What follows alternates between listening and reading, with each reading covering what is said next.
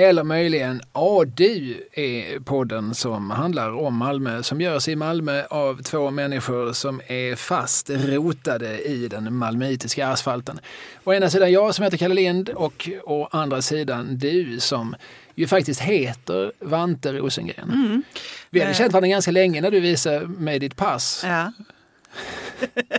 ja, jag brukar inte göra det det första jag gör när jag träffar Nej, människor. nej, det är visserligen Legitimera sant.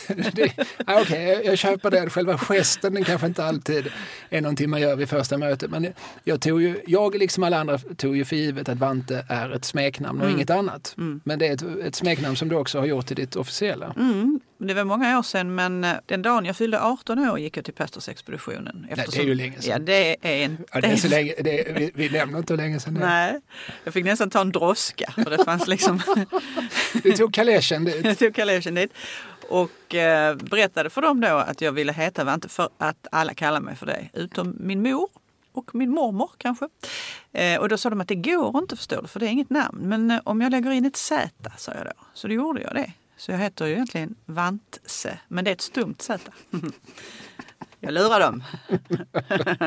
Ja, det gör, gör mig på något vis ännu gladare. Det har ju alltid varit lika trevligt att få säga liksom, välkommen till Vante. Men Mm. här är en människa, jag känner en människa som heter Vante. Det är det inte många som gör. Nej. Ja, förutom att alla som känner dig då. Och de är ju inte så få, eller vi är ju inte så få för all del. Du, ska vi börja med att samla upp lite från senare, de senare poddarna? Ja. Lite tillägg. Vi har ju den här ständigt påfyllande Adus Spotify-lista över Malmölåtar. Eh, har vi fått tips här, dels på ett band som ju redan med sitt namn signalerar malmöitisk tillhörighet. Dalaplan ja, heter de. just det. Och de har ju skrivit eh, och spelat in och sjungit några stänkare med eh, också tydlig Malmökoppling. En som heter Den här stan är inte så platt som du tror. Det, det fattar ju jag. Det, det, det vet ju vi. vi Absolut. det behöver man inte fler ledtrådar för att förstå vilken stad som åsyftas. Och så har de ju också eh, låtar som heter Dalaplan och Radio Dalaplan med mera. Och sen så finns det en eh, trubadur eller singer-songwriter eller skald, bard, En så- bard. som heter Rick Titrö. Ja, det namnet känner jag igen. Ja, han dyker upp överallt och hela tiden. Han är väldigt flitig och har kuskat runt mycket med sin gitarr eh, i hela landet, men i synnerhet här i stan där han bor. Kan ofta ses på Winnis. Jaha, ja. Mm. Kanske inte alltid med gitarren, Mm. men vid, vid Sankt Knuts torg. då. Eh, och han har gjort ett par låtar med också tydlig Malmökoppling. En som heter Hollywood Jaha, och som handlar om Hollywood. ja. Det var en, cue till dig att berätta Ja, vad ja, Hollywood ja, var för just något. det.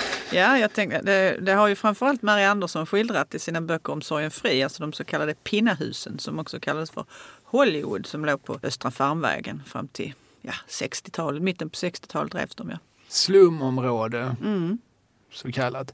I den här eh, sången som han gör tillsammans med Anna Maria Barve, Mm. som du väl känner Ja. till sedan länge. Jazz på skånska. Precis. Eh, så skildrar han och han åker buss i Malmö och hamnar bredvid en äldre dam som säger att hon är från Hollywood. Och så frågar han, har du gjort någon film som jag har sett? Och sen så förklarar hon att det inte det är Hollywood. Aha. Och så, så får vi en liten backstory om vad Hollywood var för något och vilken sorts människor som, som växte upp där och, så, och vilka rykten de omgavs med. Och så. Ja, det vill man ju lyssna på. Eh, rekommenderas. Sen har han också gjort en låt som heter Alla borde bo i Malmö. Det hade blivit jättetrångt om alla hade bott här. Men Ja, ja det är väl lite grann. Han, han tar väl upp det lite grann i, i den här sången. Men om alla är liksom malmöiter, det, det är ju lite sådär medvetet naivt skildrat. Om, om alla är malmöiter så finns det ju inga bråk i världen. mm. Så om alla bara flyttar hit så blir det ju bra. Mm. Det inser han ju själv att det är ju inte så enkelt. Men alla borde bo i Malmö stad. Här Mm. finns falafel, hipsters, svartklubbar och här finns lilla jag. Mm. Det är väl argument nog Ja, det tycker jag. Det är vackert. för att det är alla sorts borde bo här. poesi det också. Ja. Så att de här låtarna eh, de kastas ju såklart rakt in på Adus Malmölista på Spotify. Sen så pratar vi i senaste avsnittet om Malmö i tv, Mm. i, i tv-dramatik. Mm. Och då har vi dels fått ett tips på en ganska aktuell serie som vi faktiskt missade. Mm. Och sen så har det ju sen dess börjat gå en serie. Just precis, Ja. det tänkte jag också på. Ska vi börja med tipset då? Ja. Eh, jag tror att den här serien officiellt heter Sodom. Mhm. Och det är då ett, inte ett anagram utan en akronym för sagan om Dilan och Moa. ja, just det. Dilan Apak och Moa Lundqvist är två unga komedienner som med eh, västerbottniskt respektive Stockholms ursprung men som bor i Malmö sedan ja, säkert tio år tillbaka. De tillhörde de ganska många unga ståuppkomiker som värvades av Sveriges Radio Malmö att vara med i ett satirprogram som heter Tankesmedjan. Mm. Och som nog kanske fortfarande görs men numera från ett produktionsbolag på Södermalm. Mm. Men eh, när vi startade, för jag var faktiskt med och startade 2010, Mhm. då gjordes det för Malmö. Och dit värvades en massa människor, bland annat Dilan och Moa, som hittade varandra på radion och blev ett, ett radarpar sedan dess. Som haft Ett radiopar, eller vad sa du? ett radiopar och ett radarpar Mm. och även ett tv-par. Mm. Och de har gjort två säsonger av detta Sodom. Mm. Där de spelar sådär eh, förhöjda versioner av sig själva. Mm. Lite grann som en serie vi tog upp i förra, vårt förra samtal. Den som heter Succéduon med Mm. Anders och Måns. Så kallad Realcom. Mm. Och de bor då och verkar i kvarteren runt Nobeltorget. Och man får se väldigt mycket av Mm. det Malmö. Det vill säga Möllevången med omnejd, Mäklarmöllevången. Mm. Ja, just det. i den här serien. Så man kan se, och även om man inte tycker den är så kul, den är ganska rolig. Bitvis är den väldigt på pricken tycker jag. Mm. Men eh, den är ändå intressant, man kan lägga den bredvid MP Möller om man vill. Så blir liksom Möllevången dubbelexponerat. Ja, fantastiskt. Ja. Och så ett 40 års, eller nästan 50 års mellanrum där. Ja. Ja, precis. Mm. Och, alltså, och, serierna, nu är de ju liksom förhöjda och liksom, är ju sin tids Möllevången i någon sorts koncentrat för all del. Men, men serierna skildrar ju någonstans också, det är ju inte bara berättelser vilka som helst, det är ju också någon sorts sädesskildringar från platsen. Ser man en på Möller, inbillar jag mig, så får man ändå någon sorts utsnitt av hur Möllevångstillvaron tedde sig på Mm. 70-talet. Och eh, jag kan absolut intyga att Dilan och Moa eh, skildrar ett Möllan som finns idag med, Mm. med fulöl och efterfester och, Mm. och sådär. Det har jag ju också sett, Mm. även om jag då är lite äldre än dem. Mm. Jag konstaterade jag- eftersom vi då ändå har varit lite arbetskamrater, så vid något tillfälle slog det mig när jag pratade med Dilan och Moa, vänta ni är ju närmare min son i ålder än mig. Det var en sån där obehaglig insikt. De var spädbarn när de blev anställda. Ja, Nej, det värsta var att de inte ens var det. För att jag, jag var ju lastgammal. Ja, nej, de är födda 91 då, så Mm. de är 16 år yngre än jag och Mm. 13 år äldre än min äldste grabb. Mm. Men Dilan och Moa eller Sodom Mm. eh, lägger vi till på listan. Absolut, Och sen så den andra serien vi syftar på är ju då den som heter Jakten på en mördare. precis. Regi Mikael Marciman Mm. som har gett oss sånt som Lasermannen och Callgirl och Upp till kamp. Han rör sig gärna i samma tid som åtminstone jag väldigt gärna rör mig alltså nyss-tiden. Mm. Svenskt 60, 70 och nu 80-90-tal. Ja. Har du sett Jakten på ja, mördaren? det har jag. Och jag tänkte också när jag såg den, eller det går tre avsnitt som har kommit va? Eller? Ja, vid, vid talande stund. Ja. Det är nog första gången som jag har sett restaurang Shanghai på Östra Förstadsgatan vara en föremål för en scen i en serie. Ja, till och med två gånger tror jag Ja, att den, den fasaden har dykt upp. Ja. De måste varit så himla glada när de gjorde research Mm. och eh, inser att eh, ja, ja, men han, den här mannen som, spoiler alert, kallas Grisen Mm. och som är lite misstänkt för eh, diverse kvinnomord, både i verkligheten och i serien. Ja, men han bodde vid den restaurangen och den restaurangen finns kvar. Mm. För att i övrigt när man gör sådana här period pieces, kostymfilmer, så får de stackars rekvisitörerna och scenograferna väldigt ofta liksom konstatera, jaha, ja, okej, det här var också rivet, Mm, det här var också ändrat på och så. Men Shanghai, jag minns min första dag som häktesanställd Mm. juni 2000 var jag åt lunch på Shanghai. och eh, Han du det liksom så? Det var ändå en bit där ut till fängelset. Nej, jag jobbar på häktet. Ja, på det ligger ju häktet. på rättscentrum. det är bara ett Just kvarter därifrån Ja, ja, på. Svinsgatan. Mm. Ja, så det hann jag. Mm. Och det är ju 20 år sedan. Mm. Och den ser ju exakt ut. Mitt minne ser ut precis som den gör i serien. Som ju är filmad nu men utspelar sig då i början av 90-talet. För er som inte vet vad vi pratar om, serien handlar alltså om eh, de här två väldigt uppmärksammade och väldigt obehagliga kvinnomorden mm. på tioåriga Helene Nilsson i Hörby mm. och eh, Jannica i mm. Malmö Ekblad, vid samma, Ekblad vid samma tid. Och den utspelar sig egentligen mestadels eh, i Nordostskåne. Mm.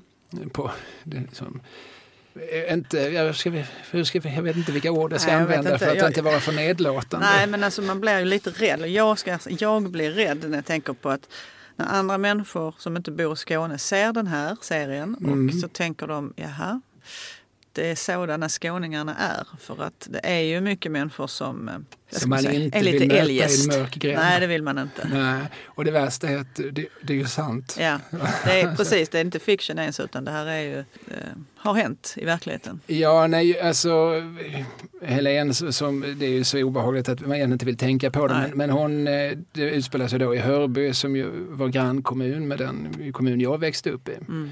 Och eh, Berga gymnasiet i Eslöv hyste ju även Hör och Hörbys gymnasister. Ja. Så att eh, jag har haft ganska mycket med de här trakterna att göra och eh, jag kan ju inte riktigt säga att den här serien ljuger. Nej, nej. Ja. Faktiskt. Alltså den är, sen, sen, så får man ju alltid tänka att det är ju ett utsnitt såklart. Det finns ja, ja. ju annat också. Mm. Just de här är ju misstänkta, alltså de, som det handlar om och det är klart att de är skumma figurer. Men, Ja, men sen kan man också då tillägga att Hörby styrs nu av en, eh, en sverigedemokrat som heter Cecilia Blad Sito. Mm. Henne gick jag ju på gymnasiet med. Jaha. Eh, och eh, vi behöver inte säga mer om det. Jag kan vara tyst här i en sekund så säger vi att det är talande tystnad. Där jag är jättespänd på att höra. När, när detta stängs av så vill jag höra mer. Undertexten här det var att Hörby jag är inte säker på att Hörby har blivit så mycket bättre sen Ulf Olssons dagar. Nej. Nej. Det om detta. Men jo, men eh, som sagt, vi får ju se lite om Malmö. Vi får se kvarteren runt Värnhem. Så är det. Och, eh, han bor ju där och, och de är inne på den här Malmö, Malmöhjälpen kanske? Det är väl ja, Malmöhjälpen heter den i alla fall i serien. Ja. Och det är också på Östra Förstadsgatan. Ja, på hörnet där av samma mm. byggnad där Shanghai ligger. Just det. Det är också någon sån idag, Röda Korset eller något liknande. Det är en intressant serie tycker jag för att de faktiskt pratar skånska. Mm. Jag är inte säker, alltså, jag kan inte erinra mig att det har hänt sen, sen möjligtvis MP Möller där åtminstone en viss majoritet ja. pratar skånska mer eller mindre övertygande. Och det är väl samma här för all del. Det, jag tycker någonstans att det är uppenbart att regissören själv inte har ett skånskt öra jag inbillar mig ibland så att han inte riktigt hör när det är onaturligt och mm, inte. Mm. Och sen har de nog använt ganska mycket amatörer mm. och, eh, och sådär. Men bitvis så när jag liksom slutar tänka på det så känns det realistiskt och mm. trovärdigt. Kanske lite, lite sån här skånska eftersom det rör sig rätt mycket uppe i de bygderna. Ja, nej, men det, det, verkar inte som att uh, teamet har liksom tänkt, alltså skånska är nog skånska ja, ja. I, I, den här serien. Mm. Alltså, de, de nyanserna, det har vi inte möjlighet till. Det är ju redan ett besvär såklart att hitta uh, folk som mm. A kan agera, mm. B motsvarar ungefär de figurer som de var i verkligheten. Mm. Helst vill man väl att de ska vara så porträttlika som möjligt. Ja. Och, sådär.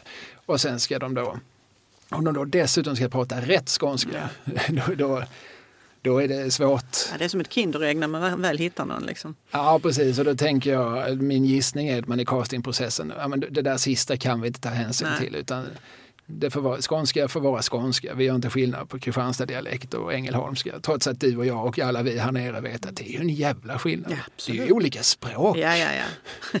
det är ju som skillnaden mellan finska och farsi. Ja, ja.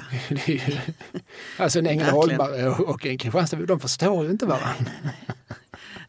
Du får nästan ha det. det får vara, nej, jag håller med om det. Ja, men dialekt på film tycker jag överhuvudtaget är ett väldigt eh, intressant kapitel. Vi kanske inte ska fördjupa oss för mycket i det. Men, men eh, det finns ju sådär, på 60-70-talet så blev begreppet teatersmåländska, det var ju mm. någonting vi förstod för då hörde vi alla Liv Ullman i Utvandrarna och Sven Wollter ja, i Raskens. Ja. Vi hörde alltså en norska respektive en göteborgare prata någon sorts, eh, nu går jag till Negerds Anna. Jag går åt vilket håll jag själv vill.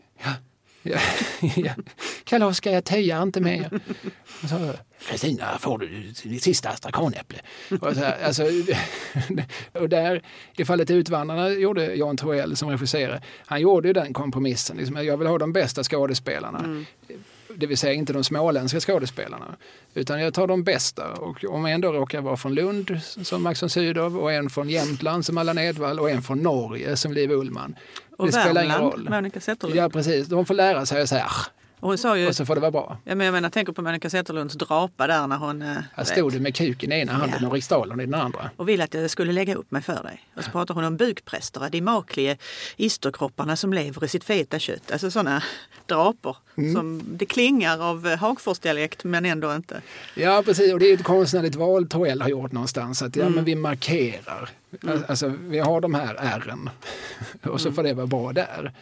Och sen så finns det andra, om man tänker Kjell Sundvalls Jägarna. Mm. Och en film som kom några år efter den som heter Populärmusik från Vittula. Ja, som eh, ju då var en filmatisering av Mikael Niemis bästsäljande skrön-samling mm. från eh, Tornedalen.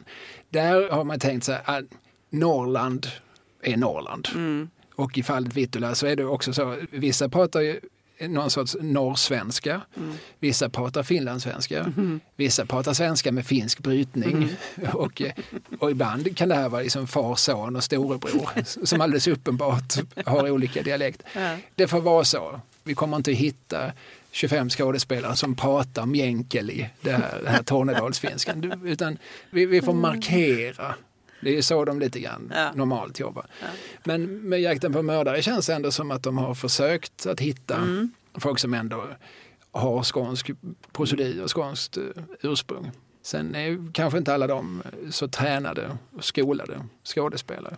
Men de har åtminstone väldigt trovärdiga eh, utseenden. Mm. Mm. Alltså det, de ser riktiga ut. Absolut.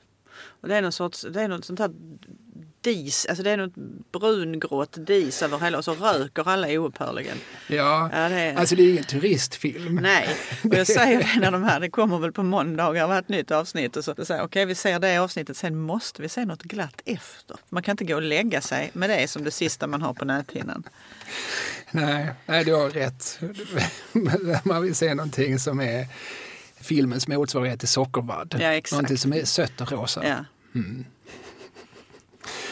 Det, det, om detta sen så har jag ju sett på sociala medier att du har gått och blivit med app.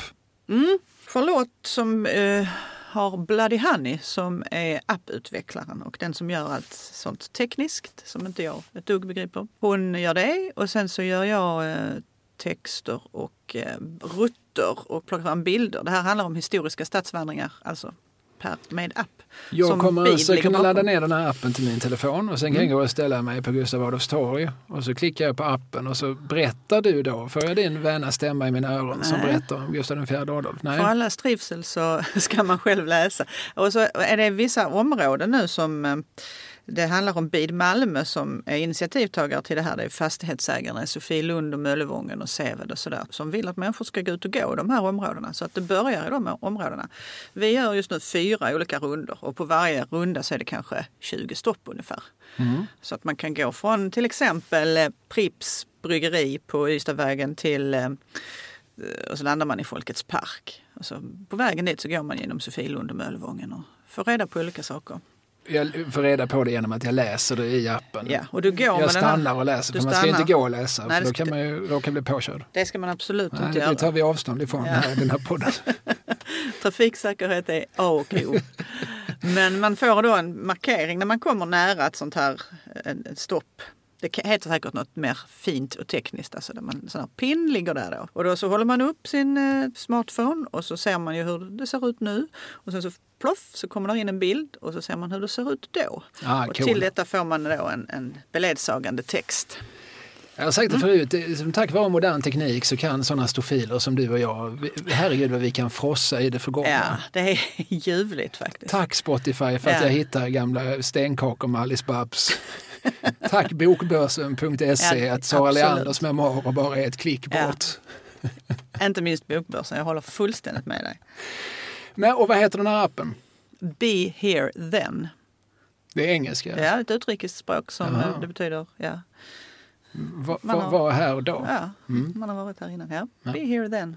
Man kan ladda ner den redan nu men rundorna kommer någon gång i, eh, runt jul. Kommer det kommer släppas. Kostar det någonting? Nej. Nej, vad synd, för annars kunde man köpa det och ge det i julklapp. Det kan man göra ändå, så kan man låtsas att man har betalt något dyrt. Ja, det blev så dålig stämning den Titta nu dagen. farmor, nu har jag laddat ner här till dig för dyra pengar. Och när hon liksom några månader senare förstår det, vänta var det en gratisapp? Så kommer det ju bli dålig stämning. Ja. Nej, den risken tar vi inte. Det är om detta, det här var ingressen. Ska Mhm. vi gå på dagens ämne? Det låter bra. Ska vi sätta rubriken Malmö original? Mm. Vi var inne på det som hastigast i, i förra programmet för att jag, hade, jag var så glad för att jag inom loppet av bara några minuter såg två av dagens Malmö original. Mm. Alltså Damen i rött och Mannen på cykel. Just det, då hade jag sett dem precis samma dagen innan. Eller sånt där. Ja. Och jag, jag har fått lite mejl och så om eh, där folk känner till lite av deras bakgrundshistoria. Så vi kanske inte ska hänga ut dem för mycket eftersom de lever. Mm. Och, och jag vet inte vad de heter. Och eh, jag hoppas att det framgår att så- sådana som du och jag, vi blir oerhört glada. Ja, Och, ja. och I det här fallet så inbillar jag mig, jag kan ju ha fel och jag vet ju ingenting om deras historia, men att det här är två människor som de ger ju väldigt mycket intrycket av att vara vid eh, god vigör eller på gott humör. Mm. Det känns som två människor som har tagit som sin livsuppgift att, att lysa upp gatorna. De sprider ju glädje med sin eh, allmänna apparation. Sin liksom. uppenbarelse. Ja. Ja. precis. En då med att vara rödklädd från tår till fontanell. Ja. Ja. Och, en med att spela upptempo musik på sin cykel som han också försett med ett, paraply för Mm. säkerhets skull.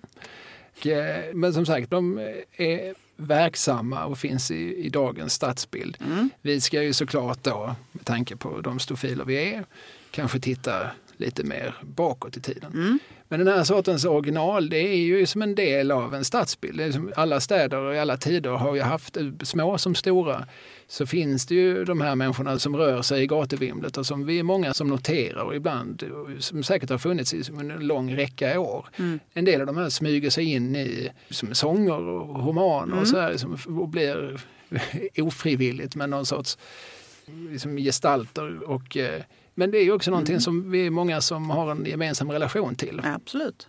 Mm. Och ibland när man har man inte sett dem på länge så har de försvunnit. Så tänker man, var, var blev hon eller han av som... Och så då, de här. Ja. Och eh, för att i vanlig ordning referera till Fredrik Ekelund, Mm. Malmöförfattaren som ju en gång i tiden var lite grann med sina böcker och sina pjäser var min guide in i någon sorts Malmöanda. Jag minns att han, han gjorde då en pjäs som heter Fubik återkomsten. Mm. Det var uppföljaren till Fubik Town. Just det. Pierre Dalander stod på Victoria Teaterns scen med en kundvagn. Mm. Och, eh, och den bygger ju väldigt mycket på Malmö-kopplingar. Han- Och så börjar han prata om Tage Tosa. Mm. Och det märktes väldigt mycket på en publik som satt där. Mm. Att, att de, deras rötter gick långt ner i den malmöitiska myllan. Och när han säger det Mm. alltså, så hör man liksom hur publiken Ah, just det. Man hör nästan ett kollektivt, ja just det. Det är Mm. som en, en igenkänning Mm. runt den Kunde alla figuren. relatera till honom mer eller mindre då ja. Jag konfronterades med namnet första gången där och då tror Mm. jag. Men det var väldigt tydligt att okej, det här är common knowledge för åtminstone ett skikt av befolkningen. Mm. Beroende på varifrån man kommer och såklart när man kommer därifrån. Mm. Alltså för att, när, när var Tage Tosa verksam ungefär? Ja, vi kan, ska vi börja med att prata om Tage? Ja men det kan vi göra Mm. och, och ska vi då dessutom kalla honom Anita?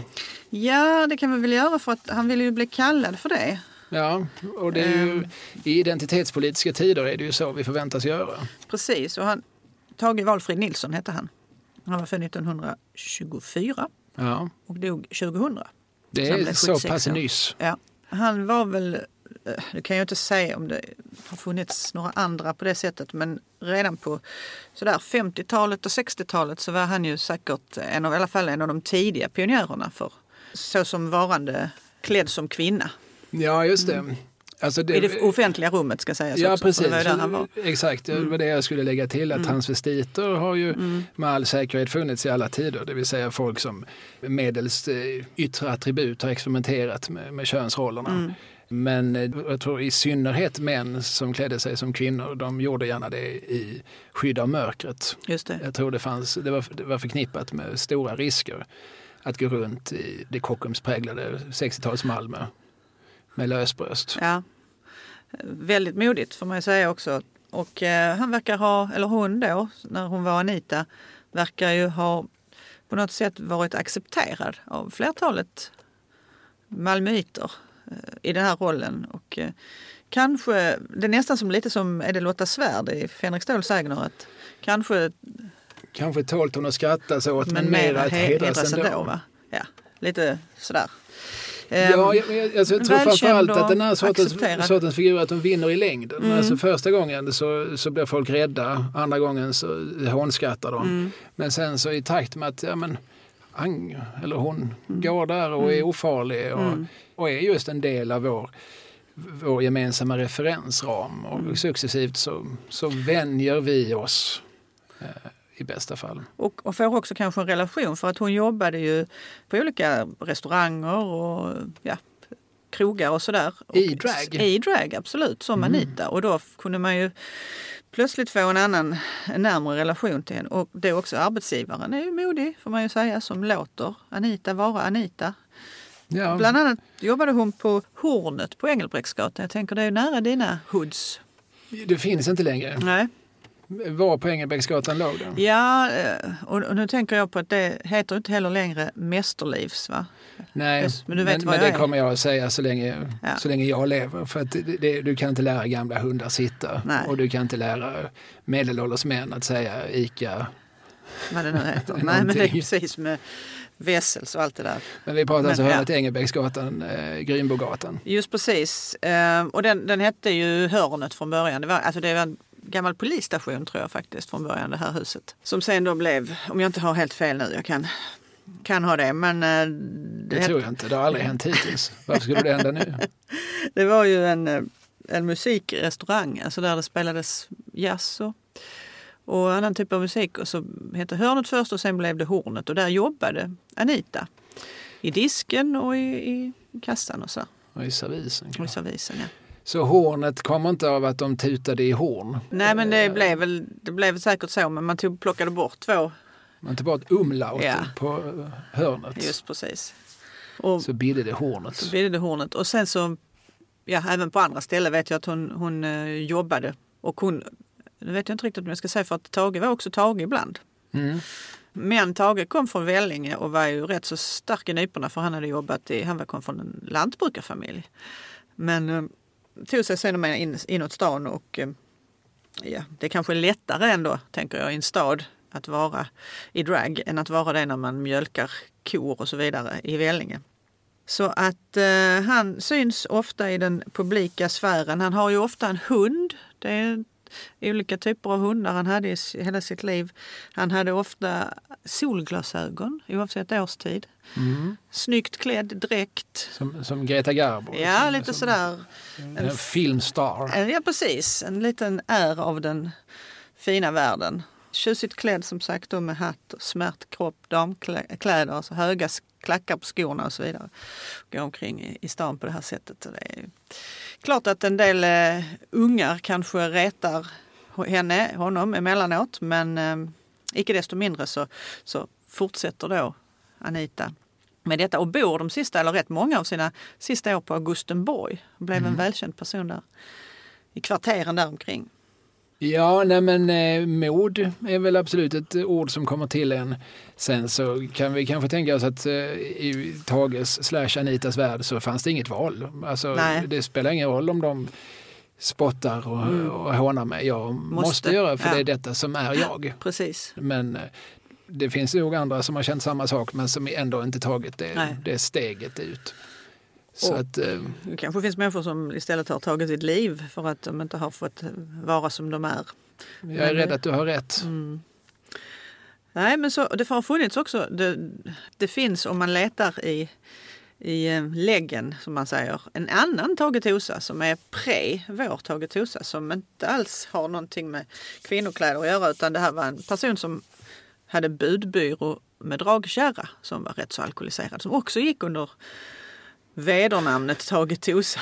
Alltså folkhumorn är ju ibland lite fantasilös. Ja, det får man säga. vi bara plockar. Ja, Ja, nu, vad ska vi kalla den här figuren? Ja. men eh, vi tar samma som, precis. som vi redan vet ligger bra i munnen.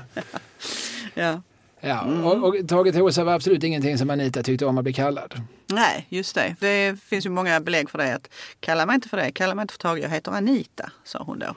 Ja, nej precis. Och absolut inte Tosa. Men jag tycker Nej. ändå det är fint att folkhumorn tar hänsyn till och har liksom den feminina formen av tosing. Mm. Ja, just det.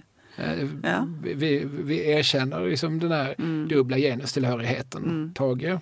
För ett, manskodat namn. Tosa, Ja. en kvinnokodad Ja. beteckning. Yrkesbeteckning höll jag på att säga, men det är det kanske inte.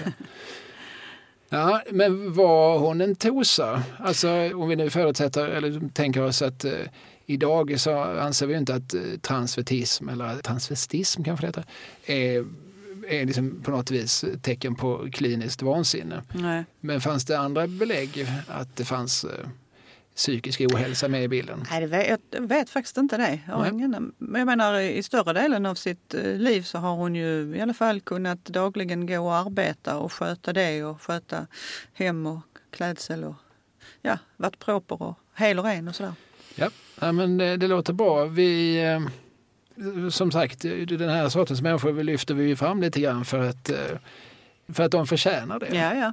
De, eh, Jo men har naturligtvis tillfört staden någonting Ja, ja. där. Det gör ju Malmö till vad det är på något sätt. Den här mixen av alla möjliga intressanta personligheter som går på absolut. gatorna.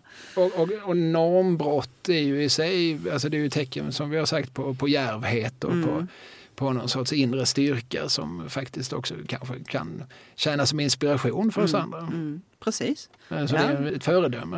En, och som du sa, det finns ett pionjärskap med Mm. i bilden. Vi får väl förutsätta att han inte hade så många väninnor som också gick i lösbröst jämte honom. Jag vet inte det. Ehm, Det, det fanns ju sä- säkert, det måste det ju ha funnits Det fanns ju, träffpunkter. för- precis, ja. men, men som sagt det kanske var någonting som krävde en, en särskild Kod. Ja, precis, lö- lösenord, Ja. knackning. Ja.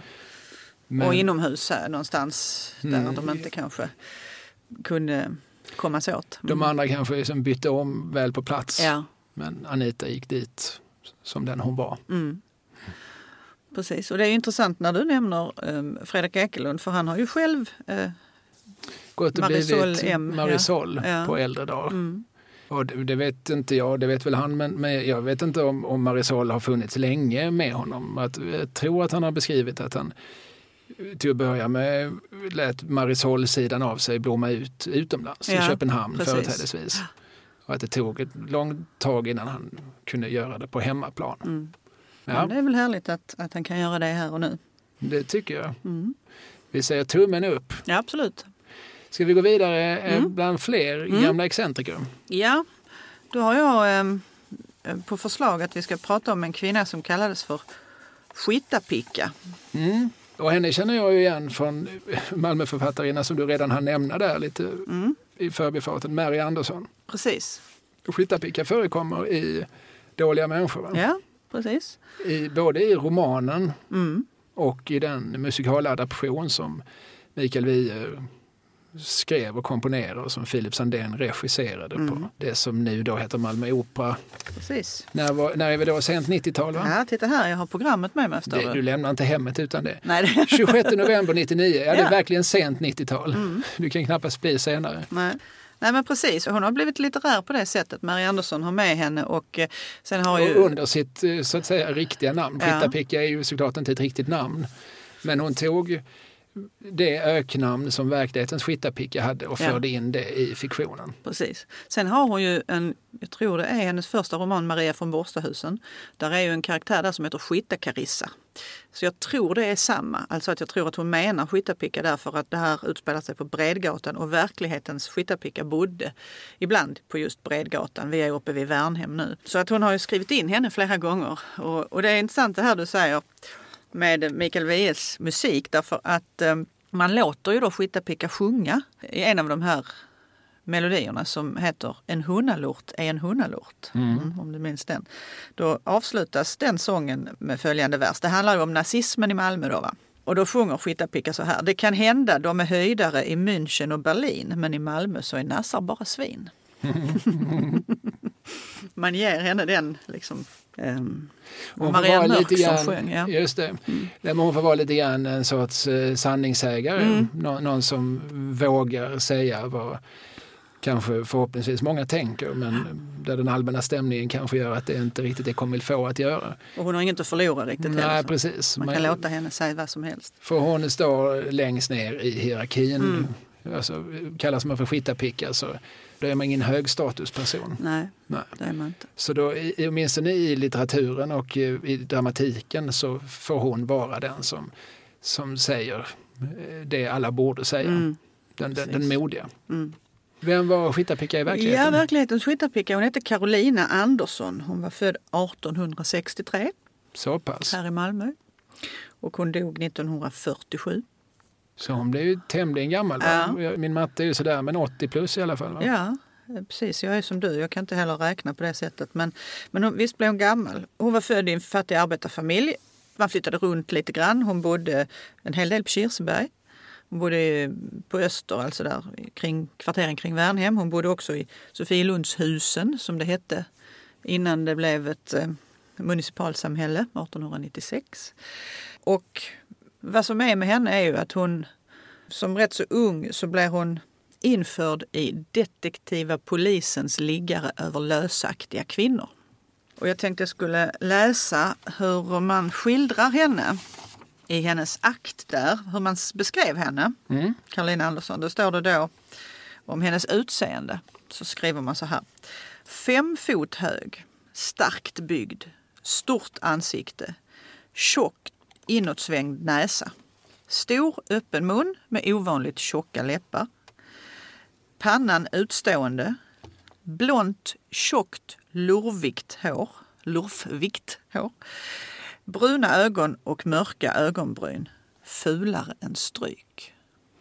Det är det officiella omdömet. Och det, här, ja, och det står ju då hennes namn här i kolumnen för namn så står det inom parentes Skittapicka. Ja. Eh, och det ska man ha klart för sig att det här är överheten som skriver detta. Det här är Polismyndigheten som beskriver en människa på detta sättet. Varför är hon med här då? Jo, därför att, och nu kommer man till kolumnen där det står förutvarande sysselsättning och levnadsomständigheter. Då står det om henne så här. Vistades hos sina föräldrar å Kirsebergs backar intill sista november månad. Hon blev i 15 års ålder förförd av okänd person. Det där var en term för hur man såg på hur man kom in i prostitutionen. Alltså hon blev ju inte förförd så som du och jag hade tänkt att det ordet... Ska vi tänka oss att hon blev snärjd av en hallick? Alltså. Ja, precis. Eh, och så står det då att hon blev i november 79 avförd till kurhuset för venerisk smitta. Hon är ej konfirmerad och så är hon då skriven hos föräldrarna inom Karoli församling igen. Ja. Så att den här kvinnan då, hon... Eh, vi pratar om en ung tonårsflicka ja. som, som vi får gissa inte ser så hemskt många försörjningsmöjligheter. Exakt så. Det står ju om henne sen också att hon är väldigt smutsig då, därav öknamnet. Hon är ofta berusad. Hon klär sig i palter, lager på lager.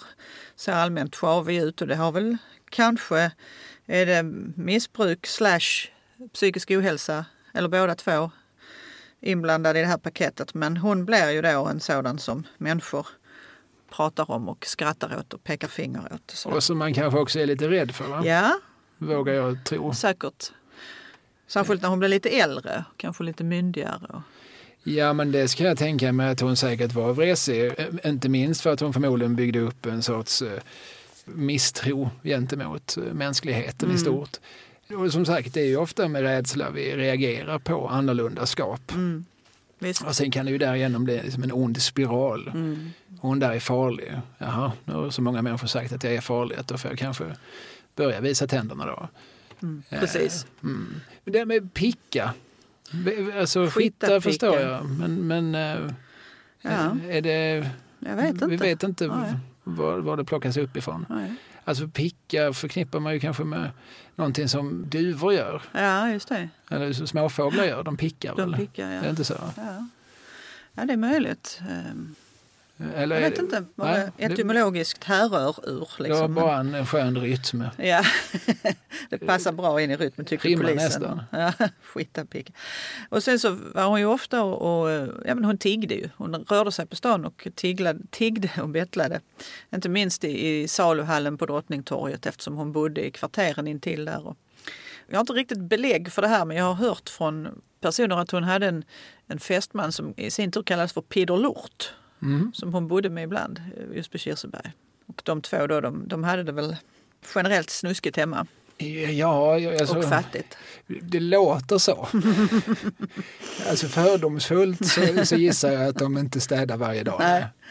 Jag tror att det var så faktiskt. Ja. Men eh, som sagt, hon dö- dör 47 och då när hon gör det så då är hon på Värnhems sjukhus som ju tog hand om äldre människor Gamla väs. Just det. Men du, hur kommer hon in i handlingen i Mary Anderssons roman? Jag försöker erinra mig, för då jobbar huvudpersonen som väl är Marys alter ego Mm. på, vilken fabrik är det? Senapsfabriken. Senapsfabriken, just det. Men Skitapicka jobbar inte på fabriken Nej, utan hon, hon finns i... Ja. i- Stadsmiljön liksom. Ja, just det.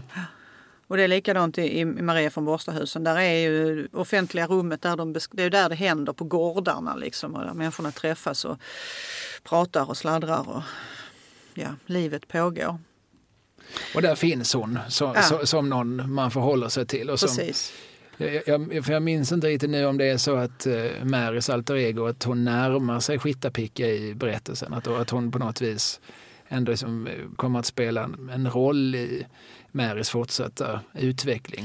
Jag kommer inte ihåg det Eller är hon heller bara riktigt. en, men eh, jag tror hon en är bifigur? bif- ja, jag tror hon är en bifigur där. Mm. Ja, detta var Skitapicka. Det var Skyttepicka. Mm.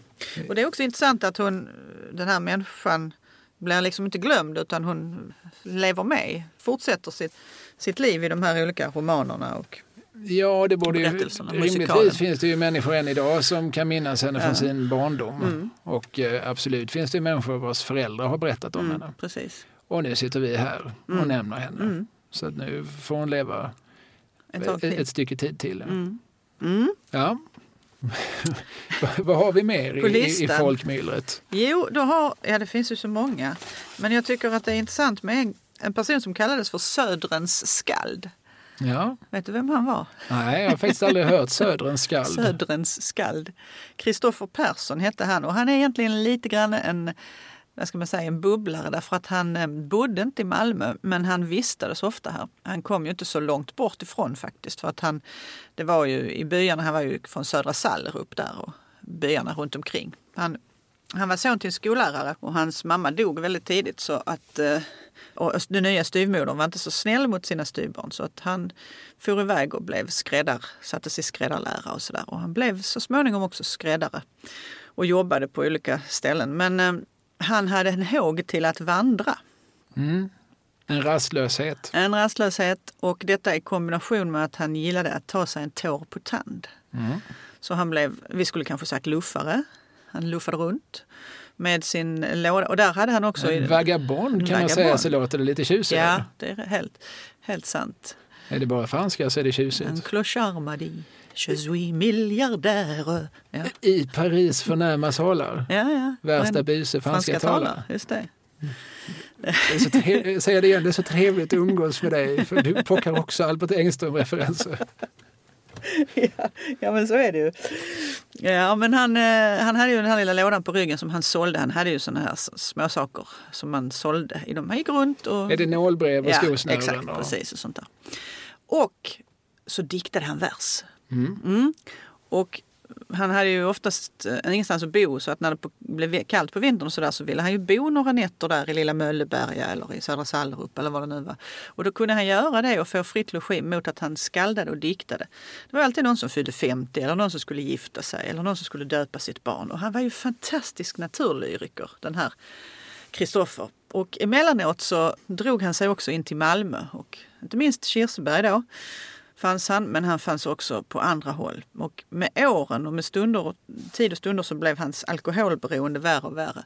Så till slut så Det var väl kallt ute så han och någon supbroder de tog sig in i Karoli, eller Karoli kyrka. Och satt sig där under högmässan och drack ur medhavd plunta. Det får man inte göra. Nej, nej, det ska vara kyrkans egna nattvardsvin. ja, precis. Man kan inte, det är som på restaurang, man kan Ja, inte komma ja. där med sina egna varor. det säger ju sig självt. Så att han eh, blev tagen av polisen och förd till häktet, eller ja, fängelset då, där han fick sitta. När i tiden är vi? Ja, han var ju född 1844 så det här är ju... eh, Det här är en 1800-talsfigur. ja. Ehm, och det har faktiskt skrivits en liten biografi över Söderens skald. Det kan man inte tro. Nej, men det gläder mig att det Ja. är så. Då är det någon som har liksom farit runt lite grann i byarna gissar jag och Ja. eh, rotat i folks byrålådor. Ja. Jo, men han kom förbi här i henne Ja, ja, ja. 1870. Det var ju när far fyllde, fyllde si och så. Och så, Då kom Söderens skald här och diktade en lång vers. precis. Riktiga rim. Och så har man sammanställt det här till då, eh, ja det här är ju alla hans verser. Men han skrev i alla fall när han satt i cellfängelset i Malmö så skrev han då en kort vers som löd så här. I denna satans boning månghundra jävlar går. Här vankas ej förskoning, blott vatten och bröd man får. Och var gång dörren öppnas en djävul tittar in. Han ser visst ut i synen precis som själve hin. Det är ju bra. Ja, ja. Ja, och när han, eh, sen gick han ur tiden då i början på 1900-talet och ligger begravd i, vid Södra Sallerups kyrka. Har du tittat på gravstenen? Yes, det har jag. Den är inte original utan man har satt upp en minnes... Originalet försvann vid någon tidpunkt när det ingen längre skötte om den. Du vet, så bara. Men så hade man personer då som upptäckte detta och stred för att det skulle komma en ny. Så nu ligger det en minnessten över just Söderens skald. Ja, sånt gör mig varm i hjärtat. Ja. Ja, men det finns några som tar hand om liksom minnet av, av våra snedseglare och våra Ja, vinddrivna marginalexistenser. Ja, precis. Mm. Som uppenbarligen då hade olika kvaliteter, inte minst inom diktandets konst. Ja, och i en annan tid och, och, och sådär så hade han kanske hittat ett, eh, ett sammanhang där han behövde, inte behövde frysa så ofta. Precis. Jag vet inte, jag, jag kan tänka mig att ungefär varannan gård som man kom till sa de nej, ut med dig. Mm. Och varannan så sa de ja men kom in och dikta lite så ska han få sig en bit bröd och en sup. Ja, säkert var det så. Och kanske fick han också inte alltid ligga i dunbolster utan det var på, eh, På skullen. skullen. Ja. Ja, både du och jag har ju sett Rasmus på luffen Ja. så vi vet ju exakt Han vet hur det gick till. hur det Alltså. här fungerar. Ja, Paradis-Oscar. och- Ja. Så var det med Söderns skald. Ja. Jag gissar att du har fler personer på din lista. Mm. Jag har några stycken här, bland annat en som kallades för Karl de Snöar. Ja. Är han och- bekant? Ja, honom känner jag ju till via Östen Warnerbring. Ja, det är klart du gör. som skrivit en eh, nostalgisk tillbakablick på sin barndom och då plockat fram minnet av den här figuren som, som man absolut inte skulle säga Karl det snöar till. Nej. Varför man nu skulle göra det. Ja, eh, det var ju för att få se hans välbekanta, välkända raseriutbrott. Ja, men om man ropade Karl det snöar Mm. till honom, Ja, då blev han arg. då blev han arg. Han, Men hur har man tagit reda på det från början? Jag får inte ihop det här. Nej. Det, det jag erinrar mig nu, nu kommer ett, eh, en snabb utvikning med ett gymnasieminne. Mm. På mitt gymnasium så fanns det, som jag tror på alla gymnasier i hela världen, eller hela västvärlden, en, eh, kvinnlig lärare som om henne hette det Mm. att hon vid ett tillfälle medverkat i en pornografisk tidskrift. Ja. Jaha, inte film utan tidskrift. Ja. Ja, det, det där kunde skiljas åt, men jag, jag vet... Alltså, det här Har är- jobbat på ditt gymnasium också? Ja, precis. Ja, men det är verkligen, för grejen var att redan på mitt högstadium så fanns, där fanns ju en hemkunskapslärarinna. Mm. Hon har varit med i en porrtidning. Och då var det så här, och så är det alltid någon som kan berätta att när min storebror gick här, Mm. då var det någon som köpte hundra exemplar av den fibban och satte upp över hela skolan. Mm. Mm, tänkte jag som redan då var lite källkritiskt lagd. Var, det- var det verkligen en tonåring som hade råd att köpa hundra exemplar? Mm. Av dessutom ett bak, för hon jobbar väl inte här samtidigt som hon var med i den tidningen. Så det är väl i så fall en gammal tidning som man hittar hundra exemplar. Stämmer detta verkligen? Ja, ja, okej. Och om den, den språklärarinna på mitt gymnasium som då det här ryktet var behäftat vid, om henne hette det, vad ni än gör så kalla henne inte för Lilian. För det var det hon hette när hon var med i porrtidningen. Jaha. Hon hette ju i verkligheten typ, nu hittar jag på Karin. Så, Mm, så, va- och då var min motfråga, men varför skulle jag kalla henne Lilian? Var, varför skulle det liksom dyka upp i mitt huvud att kalla henne Lilian? Och det är lite grann samma sak här. Var- Varför skulle någon Hur ro- började hur, hur kommer man på att, man, att eh, ropar man Karl det snöar till honom, då blir han arg. Ja men alltså namnet lär ju ha kommit så att han alltid hade mössa, alltså varm mössa Han var på sommaren. vinterklädd. Han var vinterklädd Ja, på sommaren, tjock rock och sådär och svettig. Och, eh, och där någonstans har det väl börjat med att min mormor då som eh, var född 1911, hon berättar om att eh, till slut räckte det med att man, när de- hon var barn då, så räckte det att man stod så här och tittade upp mot himlen när man såg honom för att han skulle bli arg. För att då spanade man uppenbarligen efter snöflingor. Eller man höll ut handen liksom för att se, kommer det någon nederbörd? Ja. Det är också roligt att din mormor kände att hon var tvungen att testa detta. Ja, jag vet inte om hon gjorde det själv eller om hon refererar till vad de andra killarna i Svinaryssland gjorde. Ja, ja men okej, nu förstår jag. Alltså, grejen med den här mannen, det som skiljer honom då från mängden, det är att han året runt går klädd som vore det vinterkväll. Eh, och vid något tillfälle har någon skojat lite med honom, och som sagt i, liksom i julis högsommarvärme. Karl det snöar. Ja, Och då blev han förbaskad. arg. Ja. Och sen så var det flera som ville testa det. Undrar om jag blir lika arg om jag säger det igen. Och till slut så hade hela Malmö prövat. Mm. Precis. Och alla har fått det bevisat för sig. Han blev arg den här gången också. Och han, han, ehm, det sägs ju att han försörjde sig på att sälja kondomer och ekivoka böcker men även eh, sagor, alltså små skrifter och sådär som han... Eh, Östen som du nämnde, alltså Östens sång, där skriver Östen så här, där är texten. Han stod där i hörnet vid Möllevångstorget i bitande vintrar och stekande sol, i skinnmössa, långrock, portfölj under armen, på något sätt en barndomsidol, för det blev, för det rimmar på sol. Jo, men så heter det på malmöitiska. Det var min idol. Ja, Vi kallar han Karl det snöar, Karl det snöar. Och så kutar vi fort som fan. Karl det snöar, Karl det snöar. Var har du hatten, gamle man? Jo, han har gått omkring där alltså på ölhallar och restauranger och matcaféer och allt vad det hette. Sålt sånt här. Salufört eh, skamliga produkter. Ja. Och kanske är det här också i en tid när det inte bara är olagligt att upplysa om utan även olagligt att sälja preventivmedel, tänker jag. Ja, just det. För att just det, går i den ordningen. Det blir först lagligt att sälja, men bara under disk Mm, och, och bara då hos apotekare. Mm. Men man får absolut inte lov att säga att man har den här Nej. varan i sortimentet. Nej. Men det såg alltid folkmun till, att folk väldigt fort fick veta ändå. Ja. Det, det är någonting fantastiskt med djungeltrummor, hur Ja. de kan fungera. Man kan säga det är gamla tidningar med annonser så att de säljer franska försiktighetsartiklar. Det är spännande. Ja, just det. Försiktighetsartiklar, det, det förstår vi ju nästan. Alltså det är ju det är ju en eufemism så kallat, en förskönande omskrivning. Ja. Ibland så tror jag bara det stod artiklar och, Ja, ja. Då, och då förstod man ändå Ja. att det var inte vilka artiklar som helst. Nej, och de här är franska var fransmännen väldigt snabba med att ta fram. Ja, men allt som är franskt, Det är fransk massage vet du Ja. den, den är ju erotisk. Ja, Allt som är fransk, franska Fast- kort, Fransosen alltså. Drypan, Ja. dröppel. Ja. Ja, precis. Nej men alltså det vet vi ju, de är ju eldiga Ja. vid det landet. Det, det, det vet vi. Ja, det har vi vetat sedan Bellmans dagar. Ja. Åtminstone. Men, men eh, franska kort var ju förmodligen någonting som Karl Snöa också sålde. Mm. Det var ju just eh, som foton som, om ni minns det påstods att de var tagna i Paris eller i Frankrike. Mm. Idag kanske vi upplever dem som ganska oskyldiga men de, jag har ju sett bilder och eh, det, det anspelar ju liksom onekligen på pornografi. Sen är det inte gynekologibilder Nej. utan de kan ju mycket väl vara lite påklädda men, men ändå blotta lite klyfta och sådär. Mm. Mm. Eh, och det var ju väldigt populärt har man förstått på boulevarderna och inte minst hos barberarna som Mm. kunde sådana här byta ägare. Det finns ett skämt i i Hasse och Tages eh, debutfilm Svenska bilder där de saluför franska kort och de föreställer då Eiffeltornet. Ja. Roligt. Ja, ja, det. Men, men det är bara roligt om du vet vad, vad, vad det är du tror att du ska få se. ja, just det. Ja. Visar jag det för mina barn så ja, det var ett franskt kort. De, Ja. de förstår inte ens att det är ett skämt. Nej. Och ändå är de barn till dig. Mina barn är ett dumt exempel. Mm. För, för mina barn de har hela tiden en kille som sitter bakom dem och, och, och guidar dem. Och nu, nu, var nu vaksamma på detta. Nu händer följande. Ja, stackars ungar. Mm. Ja. Som tur är har de en mor också. Ja. Jag är mycket glad för detta faktiskt. Ja, för att inte prata om vad de är.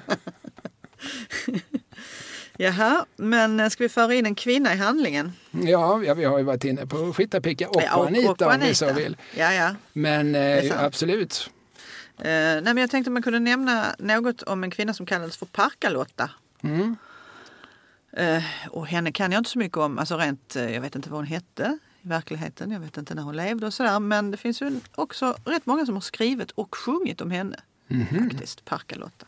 Och varför kallades hon som hon gjorde? Jo, hon, hon gick ofta i Folkets park. Och hon var väldigt, väldigt glad för att dansa. Men, Det låter inte så originellt nej, hittills. Nej, det gör det inte. För det var ju många som var där och dansade på de här olika scenerna. Men det, man ska också ha med sig att man på den här tiden, som jag tänker på nu, det kanske är på 40, 50, 60-talet någonting. Då dansade man ju inte hur som helst som vi gör idag utan man var tvungen att ha en dansbiljett. Ja, just det. Och så var det mycket sådana här intrikata system med varannan damernas Ja. och hur man bjöd upp och i vilken ordning och Ja. sådär. Jag tror inte det var, jag tror det var kanske två damernas på hela kvällen eller någonting sånt där egentligen. Nej, just det. Man har hört. eh, Men det var också så att dansbiljetterna, eller danspoletterna, de köpte ju herren och sen så bjöd han upp och betalade. Men Parkalotta hon, eh, hon köpte biljetter själv och så bjöd hon upp alla herrarna. Så på så sätt avvek hon ju kraftigt från rådande normer. Ja, det räcker ibland för att man ska bli en, en särling på något sätt. Ja, ja, men det är ju spännande. Återigen eh, så är det kanske en fråga om en viss dos mod och en viss dos omedvetenhet. Mm. Alltså, ja, jag vill ju dansa så då gör jag det. Exakt. Då står jag ovanför konventionerna. Antingen är det ett medvetet val, jag ser hur konventionerna ser ut men jag skiter i dem. Mm. Eller så är jag inte riktigt förmögen att, att läsa av konventionen. Det, det vet vi inte i det här fallet. Precis. Men, och det kan till och med vara en kombination. Mm. Men med våra moderna ögon så ter hon ju sig som en, en normbrytare och, Mm. en, och en pionjär och någon som gick i bräschen. Mm. För man tänker så här, men hon kunde ju bara ha suttit still i båten och väntat. Men då kanske det möjligen var så att hon inte tillhörde de som hade blivit uppbjuden särskilt ofta. Nej, då hade hon blivit en panelhöna Ja. då. Eller rent av en rugguggla som väl var kategorin Under. under ja. Och då hade hon ju liksom fått sitta där och inte fått utöva det som hon älskade så mycket. Sven Rosborn har skrivit lite grann om henne och då placerar han oss i kvarteret Höken. Då vet jag inte vad vi, det, det är bara du och Sven Rosborn som håller reda på vad olika kvarter heter. Det har vi nog pratat om tidigare, har vi inte det? Möjligen Rörsjögatan 9 och det här är ju i Karoli. Rörsjöstan? Karoli. Nej, ja, det, ja, ja, ja, just det. det. Eller Karoli om man så vill. Ja. Eh, och det här var ju då en, du vet ju själv, det har vi pratat om, hur det har rivits i dessa kvarter. Det här var ju en småhusbebyggelse. Det har inte minst Sven Rosborn skrivit en massa om, Ja. det gamla Malmö. För, för att han- är ju arkeolog i botten? Ja. och har varit väldigt en aktiv debattör kring rivande och så. Precis. Det här är en gammal bok som han gjorde tillsammans med, eh, med konstnär som heter Åke Wallmar Larsson. Den heter Det försvunna Malmö. Så där är också illustrationer på hur det såg ut inne på Parkalottas gård. Och vi vet då att hon bodde där därför att hon hade ärvt den här gården efter sina föräldrar. Så hon var, hon var ju liksom inte något original i den bemärkelsen som Skittapicka som, Hon kom inte från nedersta botten. nej. Utan hon levde säkert ett tämligen ordnat liv där också. På fria stunder så gick hon på dans i Folkets park. Men hade hon ett rykte om sig att vara, som man säger, lösaktig eller lätt på foten? Nej, det tror jag faktiskt inte. Utan hon höll sig till dansen. Hon höll sig nog till dansen, ja. Det här är ju nästan någonting som i någon mån fortfarande existerar. Filmen Torsk på Tallinn som Mm. Killinggänget gjorde 2000 tror jag. Där spelar Robert Gustafsson en figur som heter Roland. Mm. Som man sen hade det dåliga omdömet att exploatera och åka runt och sjunga gamla dansbandsdängor med. Och till och med medverka i det. Men den här figuren Roland i sin tur, han är ju direkt inspirerad av en, en, verklighets, en, en verklig person som förekommer i en eh, dokumentärfilm som gjordes på 90-talet från Sandgrund, Danspalatset i Karlstad. Mm. Och verklighetens Roland är just en man som älskar dansen. Alltså han, han är ju, precis som Roland så är han ju värmlänning och låter ju därmed lite, vad ska vi säga utan att trampa dem för mycket på tårna, lite bakom flötet. Mm. Låter ju värmlänningar i gemen. alltså jag är sorry to say men jag säger inte att de är det, jag säger att de låter ja, det. ja. Eh, och, han, och han är just en sån här som, han går på sandgrund och, och så nu spelar Vikingarna eller, eller Thorleifs eller Jan Öjlers. Mm. Och, och, och det gör de i fyra timmar. Nu ska jag dansa i fyra timmar, Mm. fyra gånger 60 minuter. Sen går jag hem. Har ändå betalt inträde så får man ju tänka sig. Ja, och som älskar just, och man får som ett intryck av att det är själva dansen. Ja. Inte, alltså många kanske, nu säger jag fördomsfullt för jag har inte sprungit så mycket på danslokaler själva. Men för många är det väl ändå någon sorts parningsakt. Men man Eller kallar väl liksom ett, ett eh, förspel. ett lodrätt uttryck för ett vågrätt begär, är det många som kallar det. Ja, just det. Och, eh, och det är ju helt legitimt såklart. Det är ju rimligt. Ja. Men eh, om jag minns rätt så är den här figuren som Killinggänget då såg i en dokumentärfilm och blev så fascinerad av och som de gjorde av en helt annan typ av scen för all del. Men grejen med honom, hans USP, det var att han, han ville dansa. Ja. Vilket gjorde honom också, eh, till och med på sandgrund, gjorde honom någonstans sitt original. Ja, ja. Alltså, är du här bara för att dansa? Har du kommit till det här danspalatset för att dansa? Så udda på något sätt. Ja. Ja precis, vi andra är ju här lite för att dansa men det finns ju också dryck i baren. Mm. Och dessutom har vi kanske med oss lite fesiommet i innerfickan. Mm. Och sen så finns det ju liksom folk som kanske vill samma sak som jag efteråt. Mm. Men den här förlagan till Roland, han, det, det verkar inte finnas riktigt i hans Nej. föreställningsvärld utan nu är jag här för att svänga de lurviga. Och sen går jag hem. Ja. Och så är det bra med det. Så, det kanske var liksom en eh, sentida släkting eller Ja. ättling till Parkalotta. Ja, men jag, utan att ha sprungit benen av mig själv på särskilt många danspalats Mm. så får jag en känsla av att de finns väl. De. Jag har ju jobbat mycket inom omsorgen Mm. med, eh, jag vet inte vilken beteckning vi använder idag, men liksom intellektuellt funktionsnedsatta. Eh, intellektuellt funktionsvarierade kanske man säger. Mm. Där är ju dansbanor och dansbandsmusik och så, det är ju väldigt, väldigt stort. ja. Mm. Och eh, även där kan man se tydliga skillnader. Att vissa ser det som ett preludium till någonting annat. Medan, eh, och, och en möjlighet också att få klämma lite. Mm. Medan andra verkligen älskar musiken och Mm. den rytmiska rörelsen. Så är det väl även bland oss normaler Mm. som eh, Kommer du ihåg vem som gjorde pjäsen Normalerna? Ja, Det, Nej. du hörs kanske nästan. Det var en Momsteatern-uppsättning. Ja, ja, ja, såklart. Ja. Så det, det var därifrån begreppet kom. Just det. Ja men Parkalotta, Ja. ja. hon ver- verkar ha, ha varit, varit trevlig på sitt sätt. Ja, men det tror jag säkert. Och eh, väldigt dansant. Och dansar bra också. Ja, det måste hon ju. Med den träningen så. Ja, jag menar det. Mm. Det, det hade nästan blivit sorgligt om det visade sig att hon ge- genom livet så, så bibehöll hon samma oförståelse för rytmik. Ja, det hade varit eh, tråkigt. Eh, Nu tänkte jag gå vidare. Gör det, gör det något? Ja, nej, tvärtom. Eh, Lite närmare i tiden också faktiskt. Till en person som dog så sent som 1996. Han var född 43 och hette David Larsson. Mhm. Men gick ibland under namnet Dinge-David. Ja, det har jag hört. Ja. Känner du till David? Nej, inte mer än att namnet Inge David förmodligen förekommer i någon Fredrik Ekelund-text. det gör han ju säkert. Han var ju en sån här person som man såg honom ofta ute i gatuvimlet och inte minst på Stippes. Ja, Där satt han sena nätter, kvällar och blev bjuden på mat av Stippe själv. precis. Det har vi säkert nämnt som hastigast här. Men, men när Stippe kommer hit då från något av Balkanländerna på 60-talet och, och han inser att eh, ja, det är ett bra land för här finns det arbete på industrierna men man kan fan inte köpa en bit mat efter klockan 22. Nej. Då öppnar han så småningom då Stippes. Dessutom kan vitlök bara köpas på apoteket. Ja, just det. Det var, det var två fel han noterade i sitt nya hemland. Eh, Då startade han ju Stippe som hade de öppet, de hade inte öppet dygnet runt, va? men de hade Nej. öppet långt in på Ja, nätterna. ja.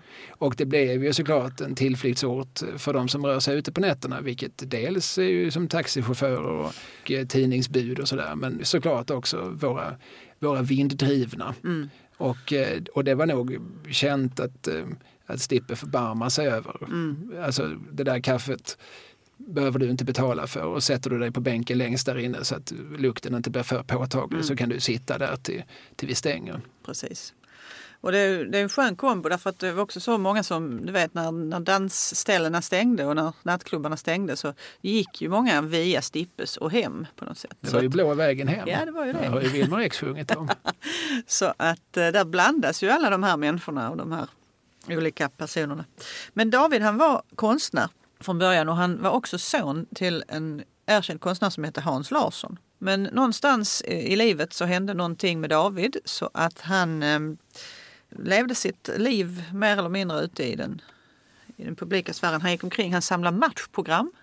Inte minst Malmö FFs matcher då. Ja, men ju mer du berättar desto mer säker är jag att det här måste Ekelund ha nämnt. Ja, det, det har han säkert gjort. Han gick ofta med en plastpåse och hade ja, olika broschyrer. Och så fotograferade han. Han fotograferade byggen. Mm. Byggen Eh, du vet så här dag ett, dag två, dag tre och så stod han och fotograferade. Och Sånt sen som, sådana in... som du har stor nytta och glädje av i efterhand. ja, jag, på något, jag raljerar inte alls över detta. Det jag mer tänker på är att han, han lämnar sen in rullarna och ungdomar, det här är innan digitalkameran. Då fotograferade man med filmrullar som innehöll antingen 24 eller 36 bilder. Och David han kom ofta med liksom påsavis med sådana här 36. Och så lämnade han in dem och Problemet var sen att han hämtade liksom aldrig ut dem. Jag, hade en, eller jag har en väninna som... inte hade riktigt råd att lösa ut dem. Nej, säkert var det så. Men det, det drabbar ju då fotohandlarna. Så att jag har bland annat en kompis som hade en fotobutik i Limhamn som ja, gjorde misstaget att ta emot ett hundratal rullar och framkalla dem och sen kom David aldrig och hämtade sina bilder. Så vi kan anta att eh, de flesta av de butikerna har ju dessutom lagts ner med tiden eh, ja. sen just digitalfotot kom och konkurrerade Precis. ut. Så vi kan anta att det ligger runt om, ja, förmodligen har väl det mesta av detta då bränts. Ja. Dessvärre. Men, men eh, men det där är också en sorts typ som återkommer i berättelser. De här som både du och jag har ju läst, inte bara eh, det som hände i Malmö med, med, med Lugnet och Karel och så, det hände ju också på alla andra ställen i Sverige och inte minst i Stockholm. Och där fanns ju flera sådana här figurer som, som gick runt och, och liksom fotograferade när Klara-kvarteren först ja. revs och ja. sen byggdes upp på Precis. nytt. Som följde den processen och sånt. Och, och, och, de bilderna har ju många varit tacksamma för i efterhand i den mån de har som kunnat samlas och någon har fått tillgång och möjlighet att sortera upp dem och, ja. och, och, eh, göra någon form av kalendarium. Visst, det är jättevärdefull dokumentation naturligtvis. Att, det finns på italienskan, läste jag någonstans, nu kommer jag inte ihåg ordet, men det finns ett särskilt begrepp för män som tittar på byggen. Är det så? Det är ett ord, ett italienskt ord. Ja. Vad betyder det på svenska? Ja, det betyder män som tittar på byggen. Ja, det hade ju varit, för det där är ju faktiskt någonting som jag, ja, inte varje dag, men flera gånger i veckan så, så häpnar jag över det. Att när man går förbi, det är ofta det byggs på olika ställen i stan ju. Och när man går förbi en grop eller vad som helst, det är alltid män som står och tittar ner i den. Ofta med händerna på ryggen? Va? Ja, ja, ja. Och möjligen pratar lite sinsemellan men mest tittar de på de här grävskoporna och på byggarna och allt vad de är. Mm. Ja, jag minns när bron byggdes. Mm. Då fanns det ju diverse utställningar och sådär där man kunde liksom följa detta. Det fanns ju många som var mycket aktiva, mycket insatta i, i hur långt de kommit med ja. pylonerna och hur långt de kommit med, med det ena och det andra. Ja, men det är härligt. I den här podden så uppmuntrar vi all form av, av expertis, hur ja. insnöad den än kan synas vara. Ja. Ja men det visst, det är jättehärligt. Men eh, David då, han, han är ju också, alltså han hade utställningar och han är representerad på olika konsthallar och museum och sådär fortfarande. Jag vet inte om han har några, ja det finns kanske någon syskon eller sådär som ärvde hans kvarlåtenskap. Men hans målningar, är det också Malmömiljöer? Ja, det, jag tror att det var ganska abstrakta målningar som han gjorde så att jag vet inte riktigt det. Det kanske var Malmömiljöer. Fast vi har inte kunnat uh, Du och jag är inte kapabla att avläsa Nej, det är möjligt. Det, det ser du väl att det där är kronprinsen? Ja. Jaha, ja. Mm. Okej, okay. när, när du säger det. Man får tänka in lite flera dimensioner i det hela då för att det ska... Ja. ja. Detta om Dinge-David. Detta om Dinge-David, ja. Ja, det, men det är lite nedsättande namn såklart. Ja. Men, men, han betraktades väl då som lite egen. Som lite eljest, ja. Och, som, um... och därmed som, som lite ding, mm. lite knäpp, ja. lite bengalo. Ja. Det är inte helt otrevliga ord egentligen. Sådär. Nej, just men, ding och bäng och så. Ja. Kan, alltså det låter väl lite, i mina öron i alla fall, låter det lite som barnspråk. Ja, precis. Eh, det, det finns väl grövre ord för, mm. för, som uttrycker samma sak, det vill säga det vi idag då kallar psykisk ohälsa. Ja, ja men precis. Men eh, det är ju fortfarande såklart nedlåtande mm, mm. att kalla någon. Då. Jag kallar ju mina barn och sånt ibland liksom knäppis och mm. sånt. Det, det hoppas jag de förstår att det är med 100% kärlek. Men det kanske det inte är med människor man inte riktigt känner. Nej, så du, du säger bara det till de du känner? Ja, ja mm. absolut.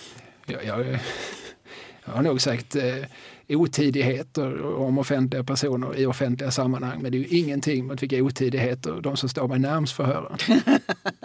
Det finns ju inget bättre sätt att visa sin kärlek än att säga någonting riktigt elakt. Just det. det är min absoluta policy i livet. Jag tror jag ska införskaffa den här nya boken Svordomsparlören.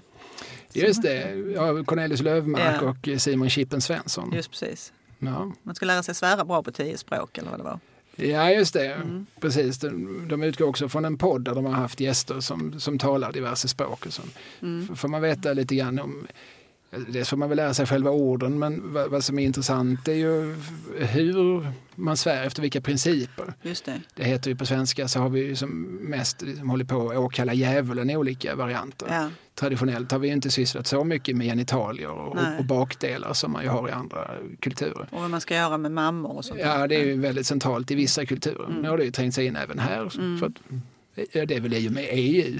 Ja, måste det väl vara. Men traditionellt, historiskt, har, vi haft lite olika sätt att, att svära på. Mm. Det har inte så mycket med det vi pratar om men jag minns att vi någon gång när jag gjorde ett radioprogram för länge sedan som hette I domstol så skulle vi ta reda på estniska svordomar. Och där var det som ett vanligt skällsord, om jag minns rätt, om jag blir rätt informerad. Att man sa, vad som på svenska blev, din jävla ögonglob. Som vi fick det förklarat för oss så var det som ett etablerat estniskt pejorativ. Så det är väl tydligen någonting man inte vill vara i Estland, en Nej. ögonglob. Nej. Vi hade ju bara blivit förbryllade om någon sagt det till oss. Ja, verkligen. Mm, Okej, if you say so. Ja, precis. Ja, precis. Nu har vi fler excentriker innan vi förlorar oss för mycket i Nej, våra associationer. Det, det finns ju hur många som helst, jag har inte just några så, men jag tänker att jag kan, man kan tipsa i alla fall om den här gamla fina boken av Torvald Sjöström Mm. som heter Minns du dem än? Torvald Sjöström, han var eh, tomatkungen, kallades han också.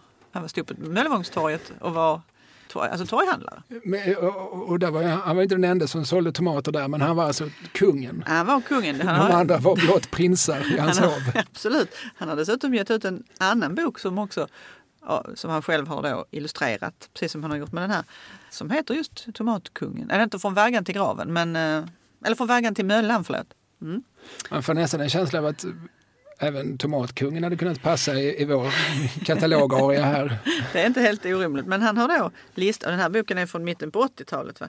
Men där har han ju då eh, berättat om alla de här som fanns i hans barndom och ungdom. Och det, liksom, vi bara tittar på innehållsförteckningen. Här är ju då 35 olika personer. Oj, Allt från Otto med tänderna till Svarta damen till eh, Lunka till lördag och Jesus och så. Alltså Jesus det var en person som, som cyklade runt och inte höll i styret utan skrek Gud styr! det finns en anekdot om honom. Ja. Att han blev stoppad av en polis. Mm. Mm, som säger, och då försvarar han sig, men det är, inte, det är ju Gud som styr. Jaha, då är ni två på cykeln, då blir det böter ändå. Ja. Dubbla böter till och med. Dubbla böter. ja. Ja, det Ja, mm. Förmodligen har den inte så mycket med sanningen att göra, men det är en bra berättelse som jag tror har traderats och, och, och säkert Riktigt. tillskrivits fler än, än just den här Säkert. figuren. Ja. Men det är ju nästan som poesi, alltså de här namnen de klingar ju skönt Ja, men- i, i mina trumhinnor. Alltså. Visst är det så. Det fanns ju några här som var, ja men det är Kvasta-Otto, Fylle-Amanda, det kan man ju nästan förstå vad hon, Ja. men Balla-Kikki, mhm. Mhm, aha. Katta-Lisa, Och Lumpa. det, det är alltså inte ball i den Nej. bemärkelsen cool, häftig. Nej, Nej. det hade inte gjort sitt inträde i svenska språket. Nej. Eh, Utan då är det skånskans, men skånskans ballar det är väl eh, rumpskinkorna. Ja, ja men det är det ju. Jag Kanske tänker hade om vi en... eventuellt har någon uppsvensk som lyssnar så det var inte fullt så grovt som de tänkte. Nej, utan det här är ju mer kanske att en, hon har haft en vidlyftig bakdel, möjligen. Hon var en så kallad gumpalolla. det är ett uttryck. Ett Enligt Fredrik Ekelund Ja. återigen. Ja, ja. ja.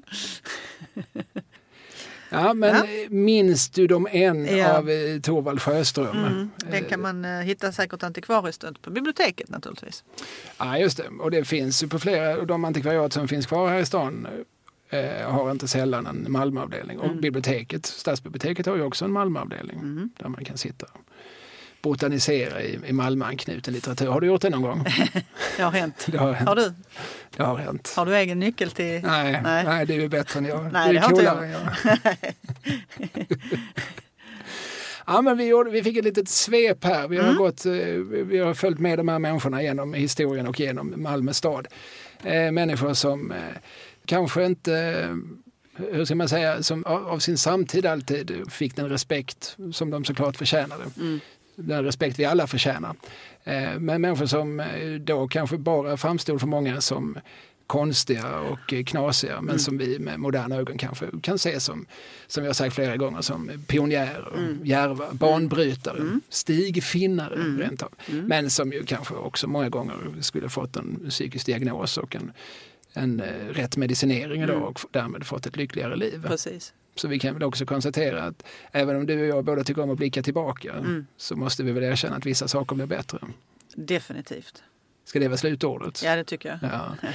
Då tackar vi för oss från den här podden ADU och vi, ska ju såklart påminna om att vi finns på något som heter patreon.com, mm. patreon.com. Där kan man leta upp ADU-podden om det är så att man vill bidra lite för att vi sitter ju och gör det här på, på vår eh, snålt tilltagna fritid. Mm. Vill man eh, stötta det här projektet, att man inte får många olika skäl att botanisera i sina bokhyllor alla dessa timmar ja. på, på dammiga antikvariat. Ja. Äntligen fick det sin payoff. Ja, precis, det är lite så jag känner. ja, nej, men vill man bidra till detta så gör gärna det. Det är vi såklart tacksamma för. Patreon.com, leta upp ADU-podd i ett ord. Eh, man kan också mejla adupodd gmail.com om man vill säga någonting trevligt. Mm. Bara då? Ja, precis. Annars kan man hålla det för sig själv. Mm. tycker jag. Då sa vi så då. Ja, men det gör vi. Hej. Hej.